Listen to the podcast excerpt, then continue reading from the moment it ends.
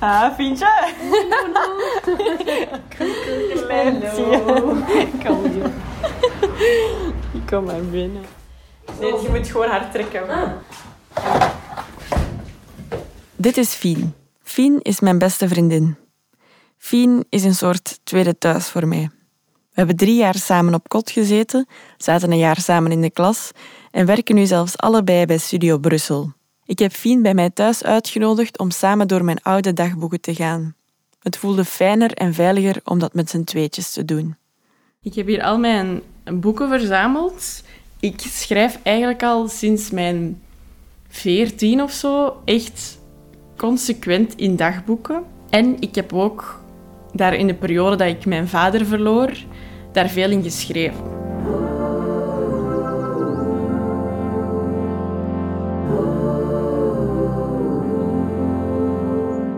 Na de rouwstoet is een podcast over mijn rouwproces en dat van alle andere jongeren die dit meemaken. Van de dag dat ik hoorde dat mijn papa ziek was tot de dag van vandaag, iets meer dan zes jaar na zijn dood. Samen met wat lotgenoten vertel ik je over hoe onze levens veranderden na de dood van een ouder. Welkom bij Na de Rouwstoet. Ik ken jou van samen op kot te zitten. Je hebt mij daar al wel in zien schrijven. Maar dat is niet het eerste moment dat jij te horen kreeg dat ik mijn papa verloren was. hè. Nee. Ja. Jij kende mij al toen ik nog op YouTube ehm, die video's postte Ja. dat ik mijn papa verloren was. Fien volgde mij al een aantal jaren op YouTube voor we elkaar in het echte leven leerden kennen. Ik vroeg aan haar hoe het was om vroeger die video te zien waarin ik vertelde dat mijn papa overleden was. Ik ben nu wel beginnen volgen op YouTube al van ervoor. En dan was dat zo'n beetje ja, een automatisme geworden van... Nona gaat een nieuwe video plaatsen vandaag, ga eens kijken. En dan was dat die video. Dat was alsof ik dat, dat verdriet zelf ook voelde. Omdat jij daar zo open en eerlijk over waart op je social media. En dat vond ik heel mooi om te zien. Ik weet niet hoe ik het moet verwerken.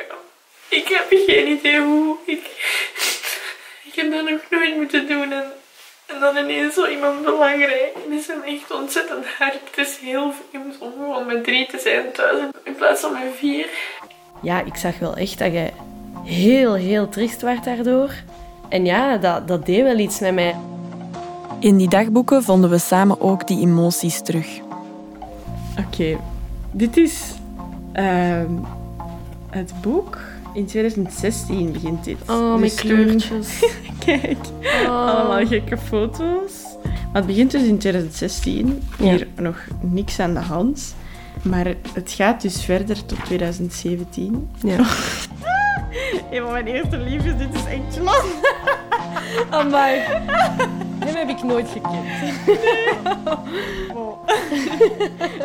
Een van mijn eerste liedjes in bloot bovenlijf en ik die heb een kus op zijn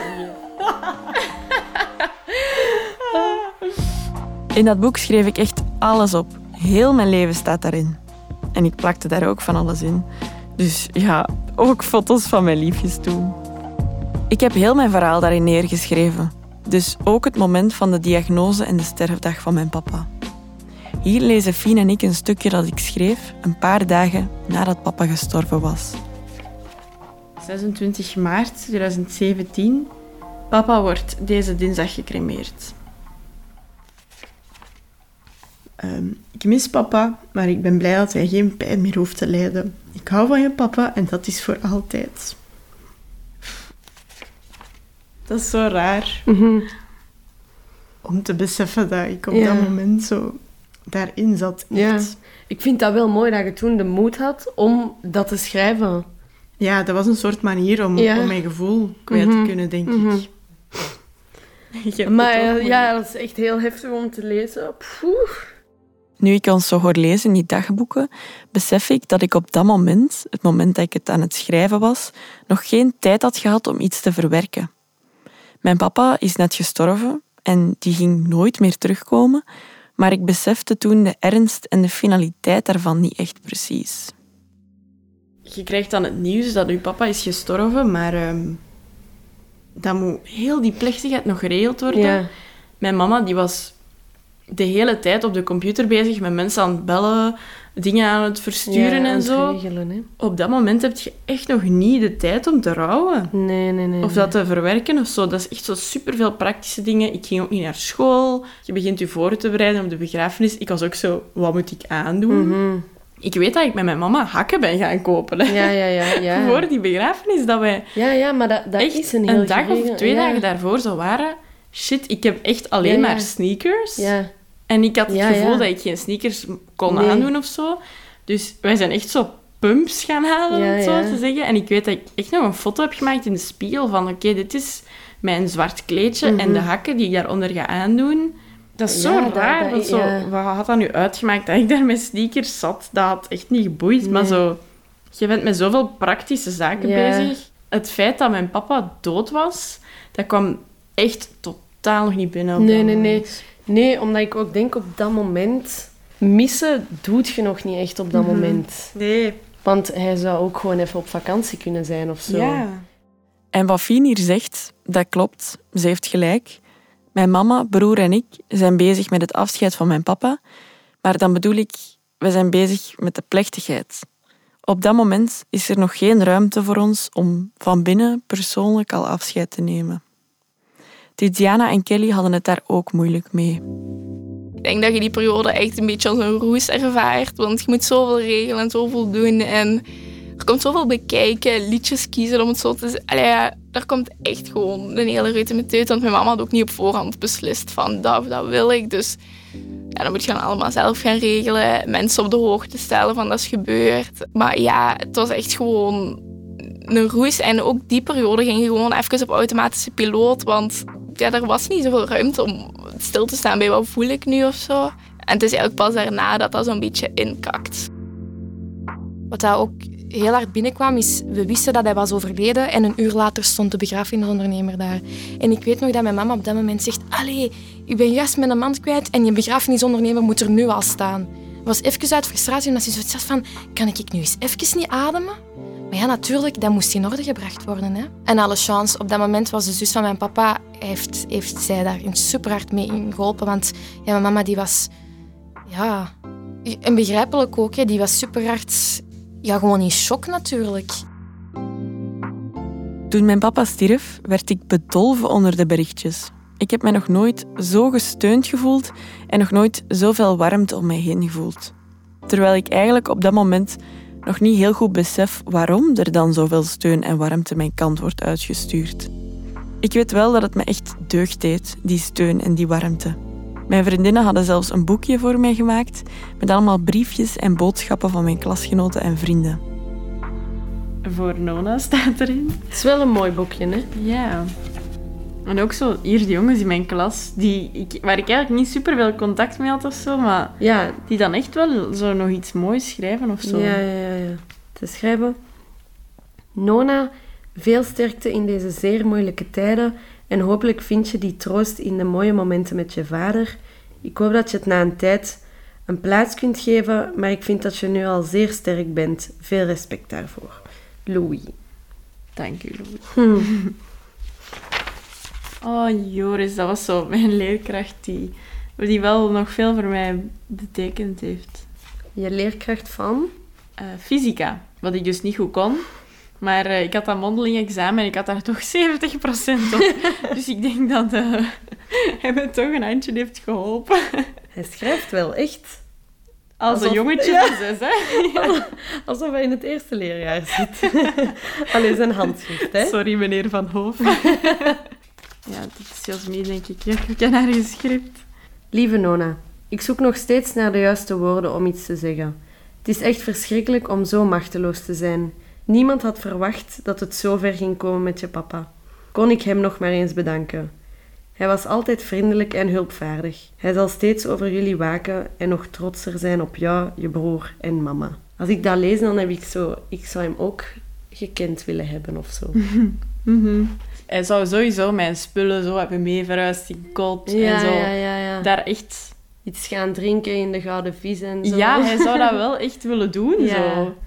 Het zou leuk geweest zijn als ik hem had gekend. Ja. En dan is ineens die begrafenis daar. De uitvaart van mijn papa was voor mij een heel mooi moment waar ik nog vaak aan terugdenk. Ik weet nog dat ik daaraan kwam en het was daar echt prachtig.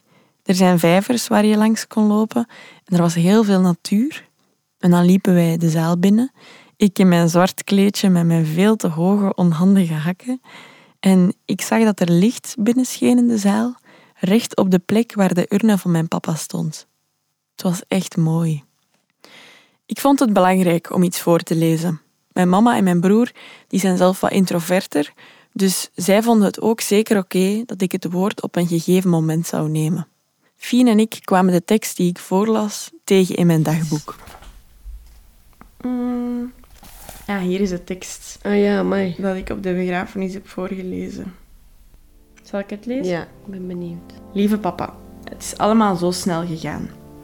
Niemand die dacht dat je ons nu al zou moeten verlaten. De kleine, vaak onnozele dingetjes zijn de dingen die we het meest zullen missen.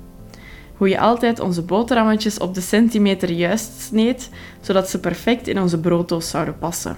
Hoe je zelfgemaakte gehaktballetjes altijd precies evenveel moesten wegen. Het was grappig om je altijd bezig te zien. Je zorgde toch echt heel goed voor ons. En hoe je op, ons op een dag kwam halen van school en we samen eendenkuikentjes gingen zoeken in de tuinen van de buren, omdat de moeder haar kleintjes had achtergelaten. We volgden het gepiep en het gekwaak en hebben ze daarna grootgebracht. Zoiets maak je alleen maar mee met een vader zoals jij. Maar niet enkel voor ons stond je de hele dag paraat. Dat deed je voor iedereen. En dat is wat jou zo geliefd maakte bij de mensen die je kende. Maar wat ik het meeste ga missen is ons liedje. Het liedje dat je vroeger zong voor kleine Nona. Je zong hoe je verlangde dat alle dagen woensdag waren. Waren ik ken jij, ik ken jij, ik ken je altijd samen. Zo ging dat.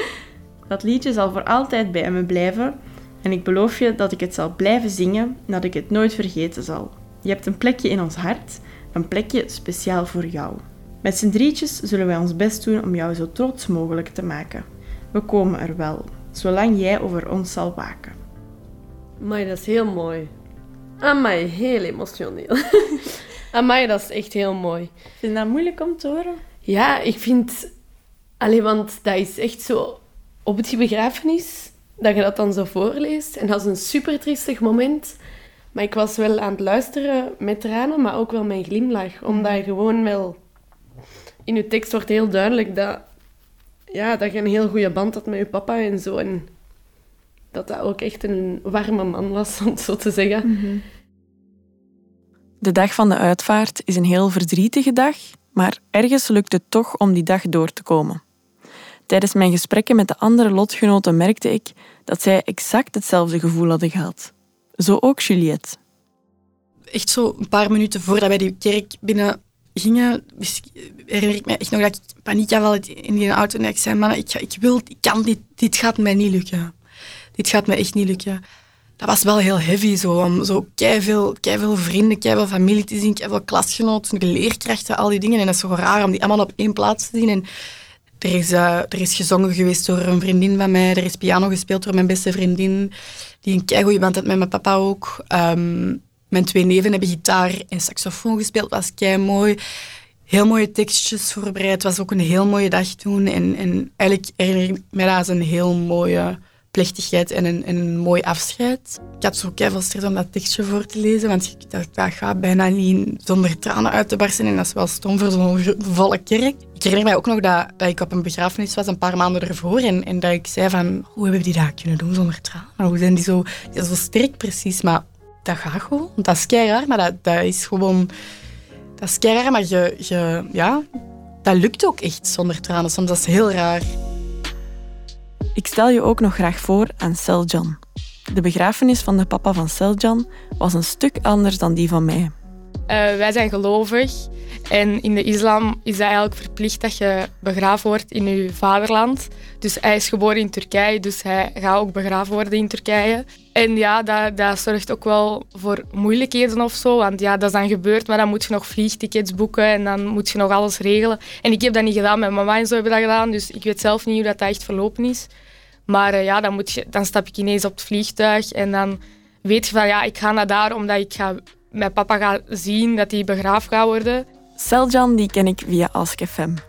Mensen die mijn leeftijd hebben, die kennen dat waarschijnlijk wel. Dat was een website waar je vroeger anoniem vragen kon stellen aan mensen en dan moesten die daar gewoon uh, op antwoorden.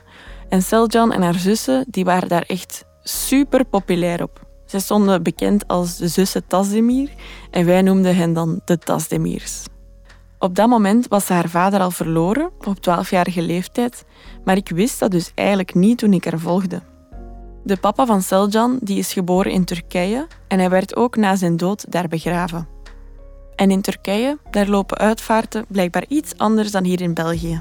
Dus ja, dan, dan waren wij in Turkije en op die begraafplaats, ik zie dat echt nog voor mij, dat ja, dat mensen aan het scheppen waren en dat die er werd ingezet en dan terug. Iemand leest dan een stuk uit de Koran en zo ook. Ja, iedereen gaat bidden en zo daarbij, dus dat was het vooral. Er waren ook veel andere mensen en ik, dacht, ik dacht zelfs van ja, ik ga een beetje van achter staan, want ik wil niet in de spotlight staan, want dat is mijn papa. En ik stond daar dan zo ja, een paar meter verder, terwijl iedereen aan het bidden was en aan het lezen was uit de Koran.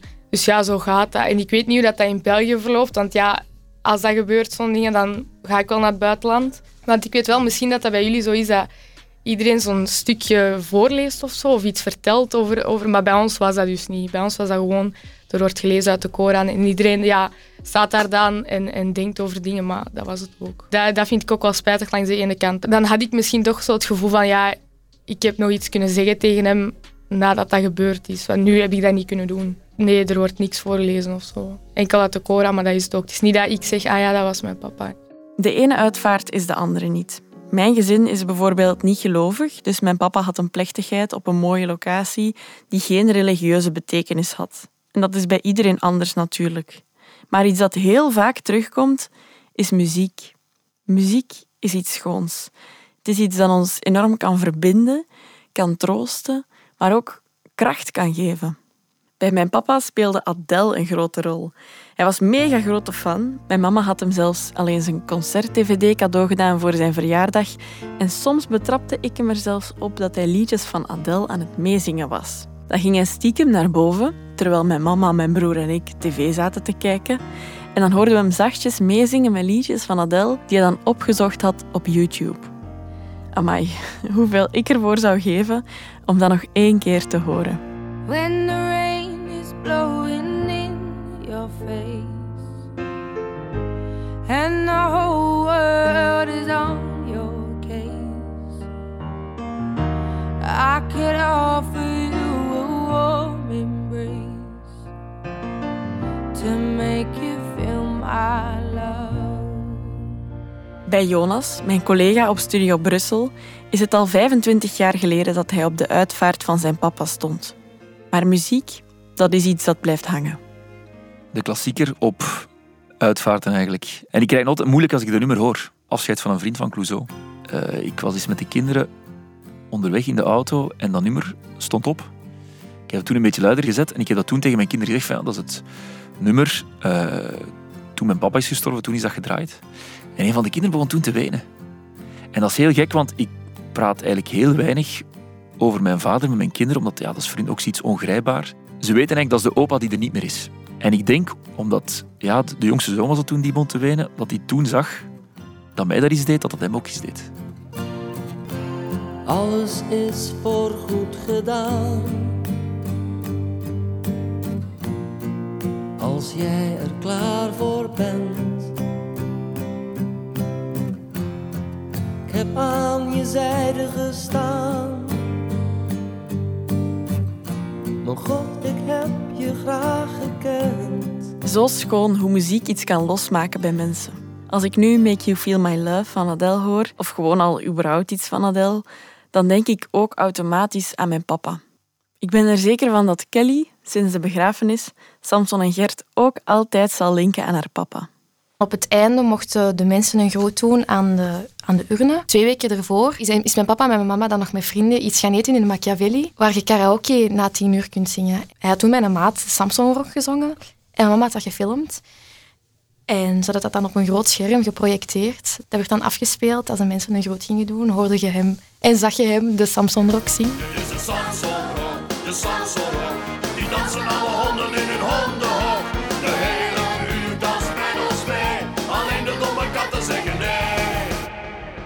En op een gegeven moment is de plechtigheid dan gedaan.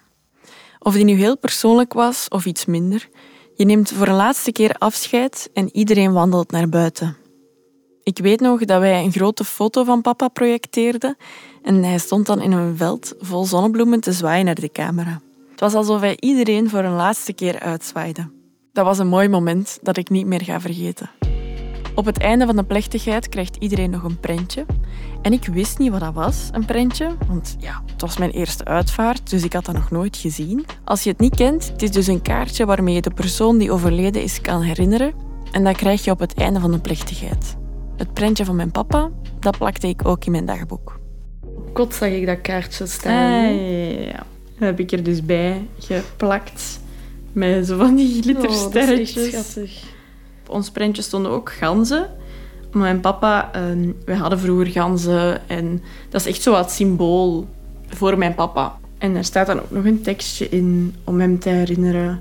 Een tekstje dat mijn mama heeft geschreven. Hij ziet er een vriendelijke man uit, hè? Hij was het ook. Oh, het is wel mooi, hè? Het is een echt een mooi kaartje. Ja. Op de voorkant van het prentje van mijn papa staan ganzen. Vroeger hadden wij een soort klein mini-boerderijtje en als papa ons van school kwam halen, dan kwamen die ganzen zo in de tuin aangevlogen. En ook als wij op school iets gingen knutselen, voor Pasen bijvoorbeeld, dan moesten wij zo van die uitgeblazen eitjes meenemen. En wij hadden thuis ganzeneieren en die waren een stuk groter dan eieren van een kip en dat was dus veel leuker om op te schilderen. Dus mijn papa die blies wel twintig eieren uit, zodat heel onze klas die kon gebruiken in plaats van zo'n klein kippenei. Ik kan me hem nog zo inbeelden en zien zitten voor de wasbak met die gigantische eieren. Dus dat prentje met die ganzen, dat heeft wel echt een mooie betekenis voor mij. Iedereen die naar buiten ging, die kreeg dan zo'n prentje. En daarna, en dit wist ik dus niet, moest ik op een rijtje gaan staan met mijn mama en mijn broer. En dan kwam iedereen langs ons om nog iets lief te zeggen, of een steun te betuigen, of een knuffel te geven, of een herinnering te delen of zo. En dat was heel mooi, maar ook heel moeilijk en confronterend wel. Daarna hebben wij ook nog een koffietafel gehad en dan ga je naar huis. Ik ben wel blij dat mijn papa um, niet zo'n alleen maar serieuze of verdrietige uitvaart heeft gehad. Niet alles draaide om verdrietig zijn, het draaide meer om de mooie persoon die mijn papa was.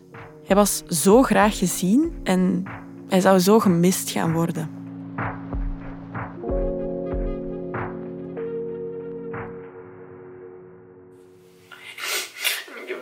Vrienden verteld. En ik ben even niet naar school gegaan daarna. Toen ik op school aankwam, was het allemaal heel moeilijk.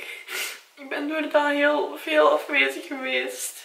Voor je het weet zijn alle plechtigheden voorbij en dan is het tijd om terug in het normale leven te stappen. Ik moest terug naar school en dat vond ik moeilijk.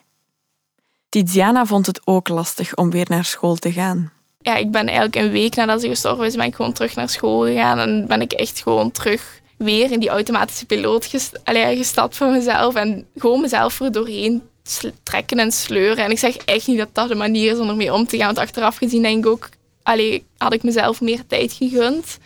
Al die mensen die kijken u zo aan op een manier... Allee, die weten ook niet wat ze moeten zeggen. En je ziet je vrienden dan zo en ja, iedereen barst dan ook in tranen uit. Allee, je weet zelfs nog zo waar iedereen stond op dat moment en wie dat die aansprak.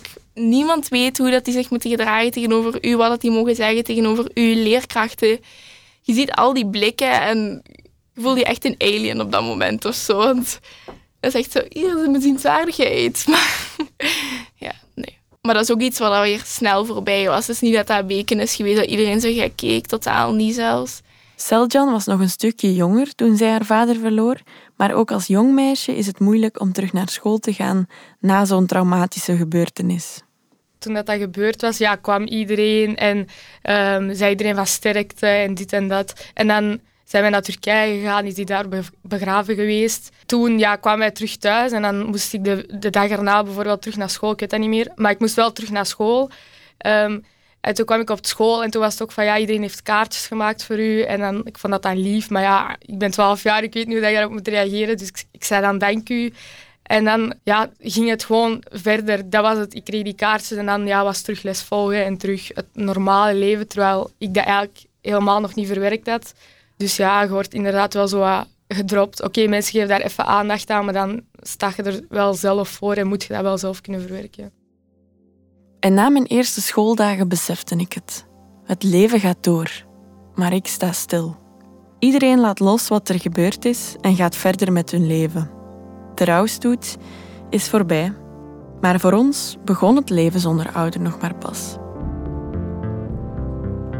In aflevering 3 van Na de rouwstoet hebben we het over het moment dat je beseft dat je ouder echt weg is. En dat is een pittige realisatie. Drie maanden of zo, dat ik daar echt tijd voor nodig had. Ja. Voordat ik dat ook echt besefte van, ik ga die echt nooit meer zien. Ik heb geen thuis meer op de manier hoe dat ik die had. Meestal zei jij niet echt iets, maar stond jij gewoon te wenen voor mijn deur en dan wist ik. Oké. Mhm. Wat echt mega oké is, hè? Ja. Ik heb op die manier ook wel een band met Joris Brijs. die is zijn vader ook verloren. En dan merk ik wel, dat ligt wel eens op. Je vindt wel een lotgenoot. Dit is Joost met Florida 2009. Ik vertel je meer over de betekenis van dat liedje in mijn leven in de volgende aflevering. Daar sta je dan, bij de crematie van je pa. Na al die tijd van vluchten sta je stil en denk je na. Dit is nooit meer vla, nooit meer vla voor de tv. Nooit meer samen, nooit meer samen kijken naar DWDD. Nooit meer dansen in het huis en nooit meer klappen met een vuist. Wellicht was het niet juist, maar ik mis ons en ik mis thuis.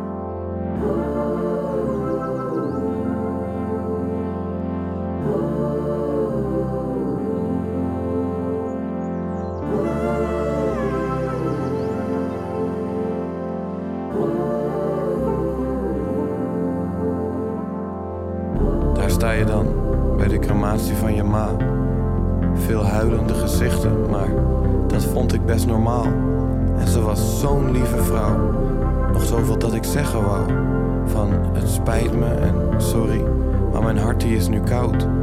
Voor jou bewaar ik mijn geduld in een kistje onder mijn bed. Maar wat is een pretpark? Een pretpark zonder pret. Florida 2009, daar, daar kwam ik mezelf tegen maar heb een steen verlegd in de rivier en dat ondanks alle regen. Als je na het beluisteren van deze podcast vragen hebt, dan kan je terecht bij Teleonthaal op teleonthaal.be of op het nummer 106. Bij vragen over zelfdoding kan je ook de zelfmoordlijn contacteren op het nummer 1813. Bedankt voor het luisteren naar aflevering 2 van Na de Rouwstoet.